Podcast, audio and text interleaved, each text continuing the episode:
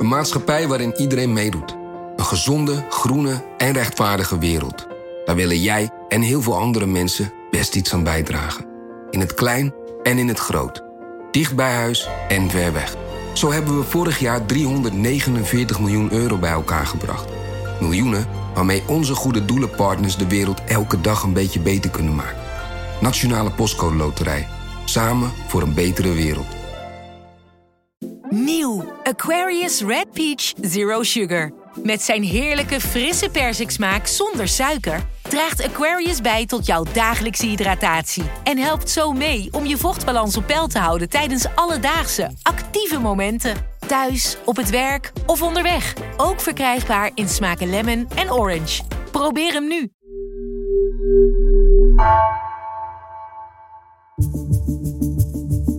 Vanuit het Tweede Kamergebouw in Den Haag het verhaal van vandaag. Mijn naam is Floor Boon.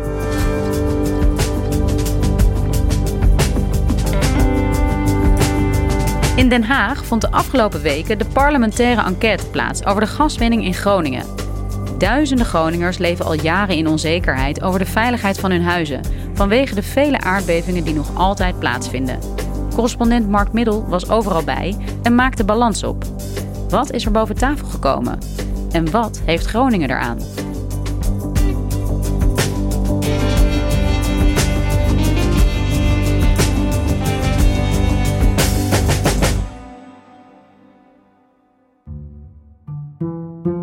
Afgelopen zeven weken heb ik samen met mijn collega Claudia Kammer de parlementaire enquête naar de Groningse gaswinning gevolgd. We zaten daar dagelijks, uh, moesten we naar Den Haag in een apart gebouw tegenover de oude Tweede Kamer aan het plein. En uh, daar zaten we op de perstribune in hele slechte stoelen. Uh, de eerste twee weken was er ook helemaal geen koffie. Geen lunch. Is er ook nooit meer gekomen trouwens. En er waren dagelijks zo'n twee tot drie verhoren. En elk verhoor moet je bedenken, nou, sommige duren anderhalf uur, maar dat is wel het minimale. Maar sommige ook, met Erik Wiebes bijvoorbeeld, zes uur lang. En dan moet je heel goed opletten, want er kan op elk moment iets heel interessants gezegd worden. Dus we waren echt super geconcentreerd, sloten koffies aan drinken en de hele dag daar aan zitten en stukken aan schrijven voor de krant, blogs aan het bijhouden. Want in ieder geval voor Groningen is dit een van de grootste politieke gebeurtenissen in de geschiedenis. Ja, Mark, jij bent onze correspondent in Noord-Nederland, in Groningen, en hebt dat hele Groningse dossier dus vooral de afgelopen jaren vanuit Groningen gevolgd.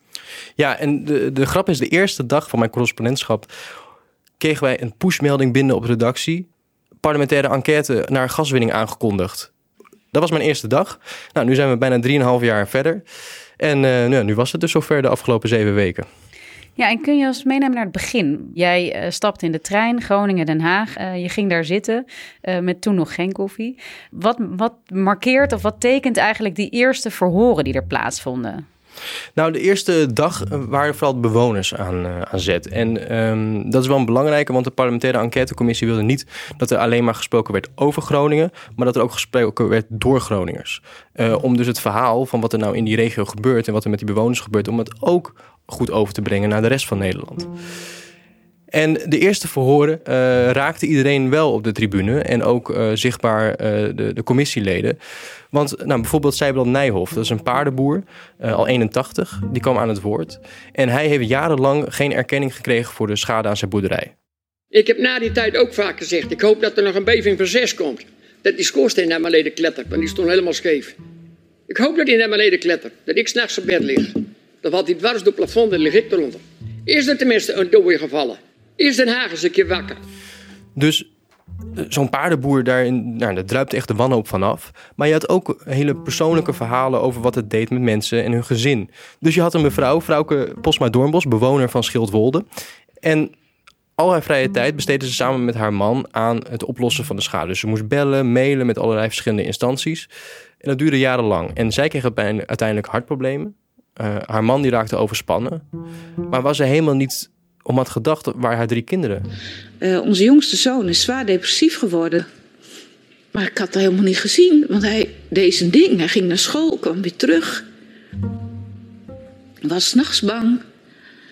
Uh, kon niet bij ons terecht. En als je dat dan later merkt en ziet, dan denk je: ik heb gewoon gefaald als moeder. Ik heb geknokt voor dat huis.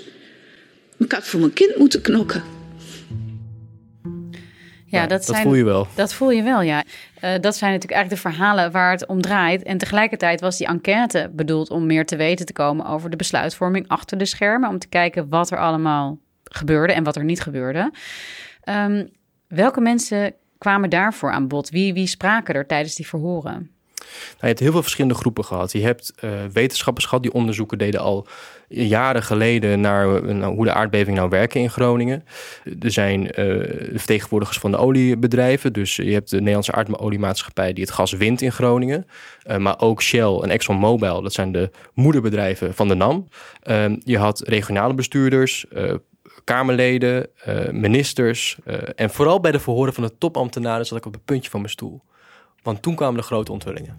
Ja, Mark, hier wil ik heel graag meer over horen. Je zegt onthullingen, echt, hè? nieuwe dingen in dat hele dossier. Als we nou even terugkijken op die zeven weken en een beetje de rode lijnen destilleren, wat heb je nou geleerd? Eigenlijk kunnen we spreken van drie onthullingen. Een van de interessantste onthullingen, vind ik, was dat uh, je had die beving in Huizingen in 2012, augustus 2012. En tot die tijd was eigenlijk de wetenschap die er tot toen, dan toe was, was erover eens dat er nooit een zwaardere beving dan 3,9 zou komen. Wat betekent dat er wel schade zou zijn aan huizen, maar het was geen veiligheidsissue. Dus mensen zouden geen overlijdensrisico hebben. Maar wat bleek nou uit de parlementaire enquête, is dat na Huizingen de toezichthouder, staatstoezicht op de mijnen, al onderzoek is gaan doen naar hoe het nou precies werkt met die aardbeving. En zij kwamen tot een hele andere conclusie. Namelijk, de beving kon veel zwaarder worden. Wat betekent dat er ook dus een risico was voor de veiligheid van de bewoners. Dat rapport lag op de tafel van topambtenaar Mark Dieriks van Economische Zaken. Eind oktober.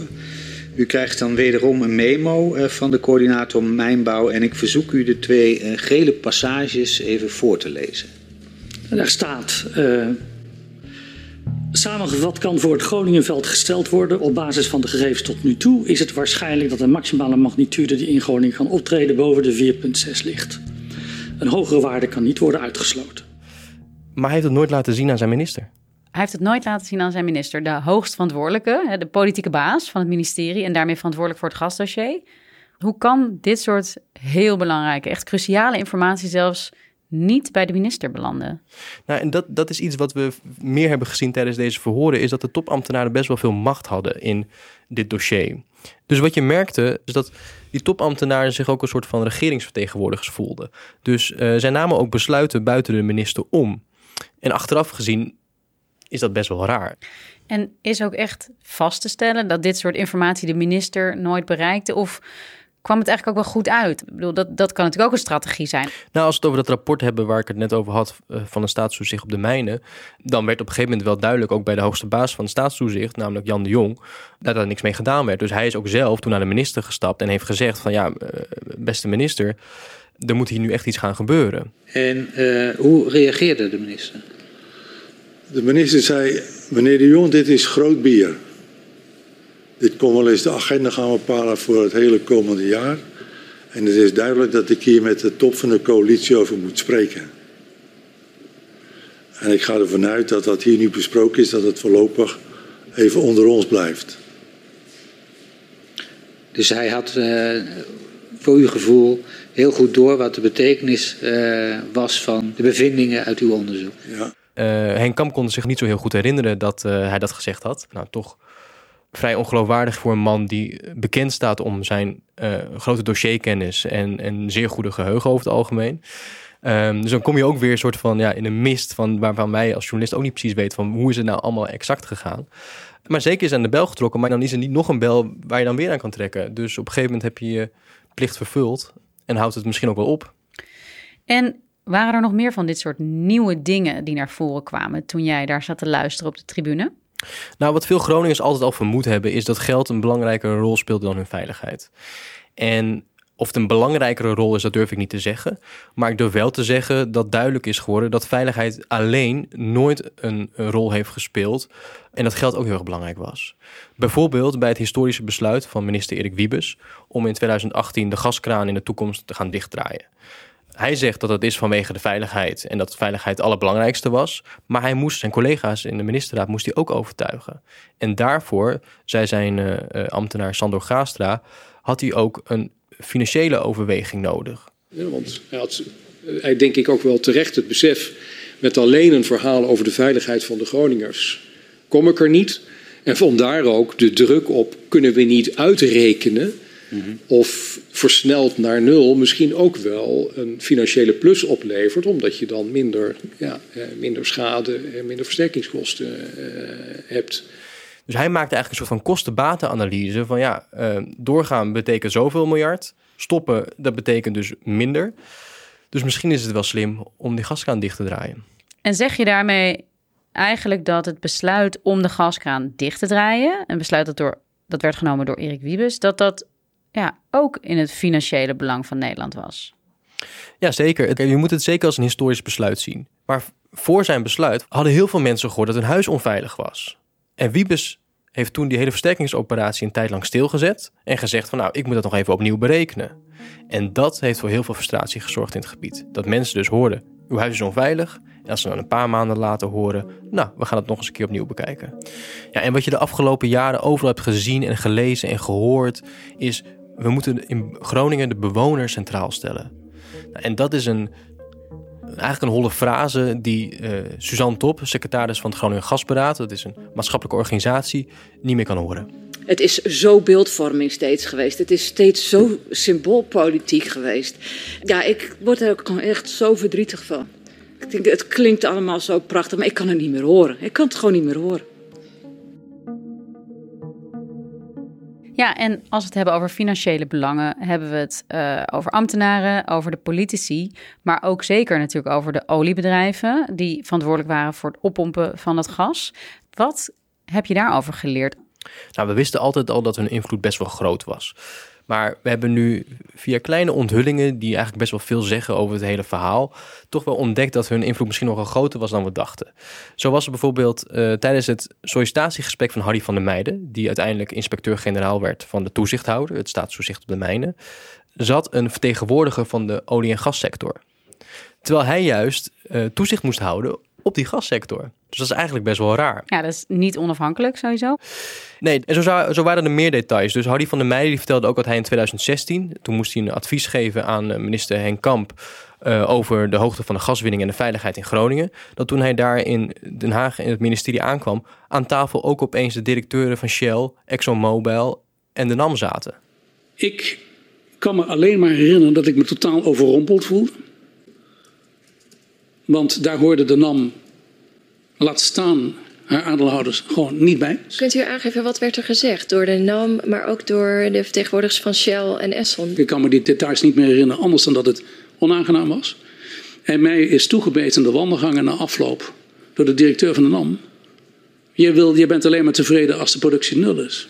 En hij heeft dat ervaren als een heel intimiderende opmerking. Ja, dus eigenlijk zat de rol en de invloed van die olie- en gasbedrijven was veel meer verweven met die politieke top dan altijd publiekelijk is geweest in ieder geval. Ja, dat is wel iets wat we in deze verhoren hebben gehoord. En ja, we zijn nu zeven weken verder. Uh, de parlementaire enquête is nu voor dit deel afgesloten. Is er al iets te zeggen over waar dit allemaal toe gaat leiden nu? Wat wordt er nu gedaan met alle nieuwe informatie die boven tafel is gekomen? Nou, wat ten eerste de parlementaire enquêtecommissie wil, is het hele verhaal reconstrueren. Dus wat is er precies op welk moment gebeurd en wie zat er aan de knoppen? Dus eigenlijk gewoon een complete geschiedschrijving. En daarvoor moet je ook voorstellen, het waren niet alleen maar deze verhoren die daar een bijdrage aan leveren. Ze hebben ook honderdduizenden documenten gevorderd. Uh, er zit een heel ambtenarenapparaat achter die commissie. Uh, er zijn ook verhoren geweest die besloten zijn geweest voor deze openbare verhoren. Dus zoveel informatie is er waar ik uh, helaas nu nog niks van af weet. Maar je zegt nu nog niet? Nu nog niet, want in februari dan komen ze met een eindrapport. En daarin zullen ze dus conclusies trekken over wat er is gebeurd in Groningen. En wat ze graag willen bereiken is dat er ook lessen geleerd worden voor de toekomst. Maar ook wat kunnen we nu nog voor Groningen doen? Ja, want uiteindelijk gaat het om Groningen en de Groningers. Heb jij een idee hoe Groningen dit beleefd heeft? Hoe hebben zij gekeken naar al deze verhoren? Nou, ik ben tijdens de verhoren op de vrije dagen ben ik ook heel vaak weer in, in Groningen geweest om te horen wat zich daar afspeelt. En je merkt toch dat het heel verschillend is. Dus sommige mensen die volgen die verhoren echt op de voet.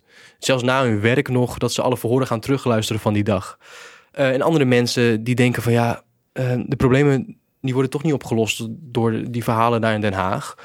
Eh, zorg ervoor dat nu mijn huis nu versterkt wordt en dat de schade nu opgelost wordt. En je zag twee weken geleden weer in het weekend dat er s'nachts een zeer zware beving was in Wirdum van 3,1. Dus de problemen zijn er nu nog steeds. En het is nog steeds acuut. En het is nog steeds niet verholpen. En hebben Groningers, om het even te algemeniseren, misschien wel meer vertrouwen nu gekregen dat er naar hun problemen wordt geluisterd?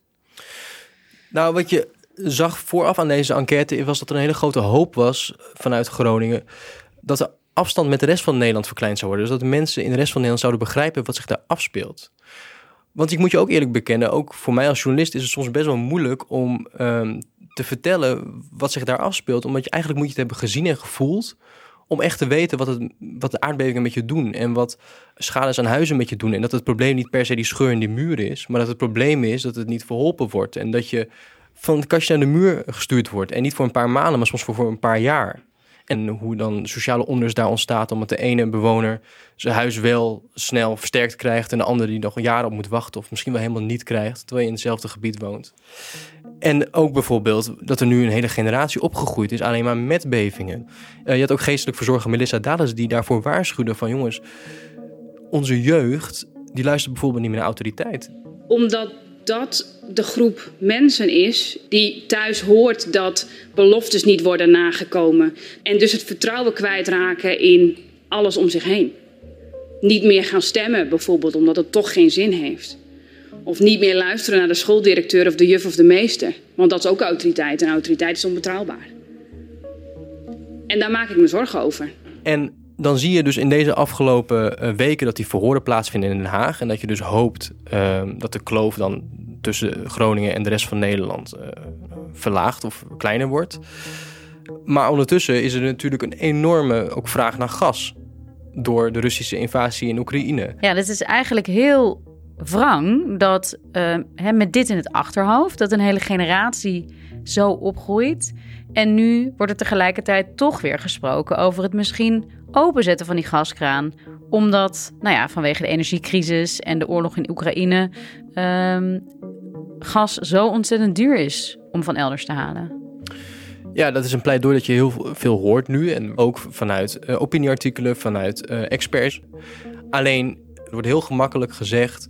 Uh, we moeten die mensen in Groningen even compenseren met het gas dat we dan extra winnen uit Groningen. Want dat levert toch zakken met geld op en dat sturen we dan naar Groningen. Of we moeten al die huizen even snel uh, versterken. Maar de afgelopen tien jaar is gebleken dat het allemaal niet zo makkelijk is. En zolang de bevingen blijven, dan blijven de schades komen aan huizen. Um, dus ja, er zijn ook hele pessimistische stemmen in Groningen. Bijvoorbeeld de oud-voorzitter van de Groninger Bodembeweging... die opkomt voor de belangen van de bewoners, Jelle van de Knoop. Die zegt van ja, dit gaat gewoon niet meer goed komen. Dit komt niet meer tot een goed einde. Er zijn dus mensen die worden pas over 15 jaar versterkt. Nou, wat moeten die in tussentijd gaan doen met hun huis? Dat wil toch niet? Um, en Mark, na zeven weken in Den Haag te hebben vertoefd en op, vanaf de publieke tribune al die verhoren te hebben gehoord, ga jij weer terug naar Groningen, jouw standplaats voor de krant, maar ook de plek waar je vandaan komt. En het is misschien een beetje een onjournalistieke vraag om zo te stellen, maar ik ben toch wel heel erg benieuwd. Met welk gevoel keer jij nou terug? Nou, de vraag waar ik zelf heel erg mee zit de afgelopen weken is of de verwachting van deze parlementaire enquête wel uitgekomen is. En ja, ik ben natuurlijk ook een beetje moe na al deze zeven weken verhoren. Maar ik ben ook wel een beetje gefrustreerd hierover. Dat ik toch wel denk van, um, ja, ik weet niet of dat gelukt is. Of, of, of de rest van Nederland nu echt begrijpt wat zich in Groningen afspeelt. En dat het niet gaat om alleen uh, huizen die wat scheuren en schade hebben. Maar dat het echt gaat om mensen hun thuis, zoals heel vaak werd gezegd tijdens de verhoren. Dat het gaat om mensen hun levens. En dat die levens ingrijpend zijn veranderd de afgelopen jaren door de problemen met de gaswinning. Dankjewel, Mark. Jullie bedankt.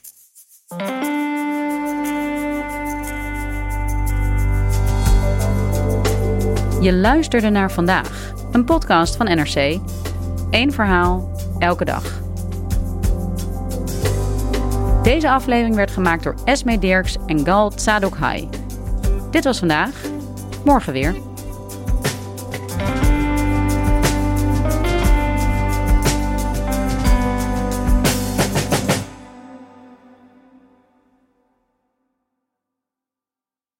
We zijn heel benieuwd wat jij van onze podcasts vindt. Je helpt ons enorm door een korte vragenlijst in te vullen op nrc.nl/podcastonderzoek. Dankjewel.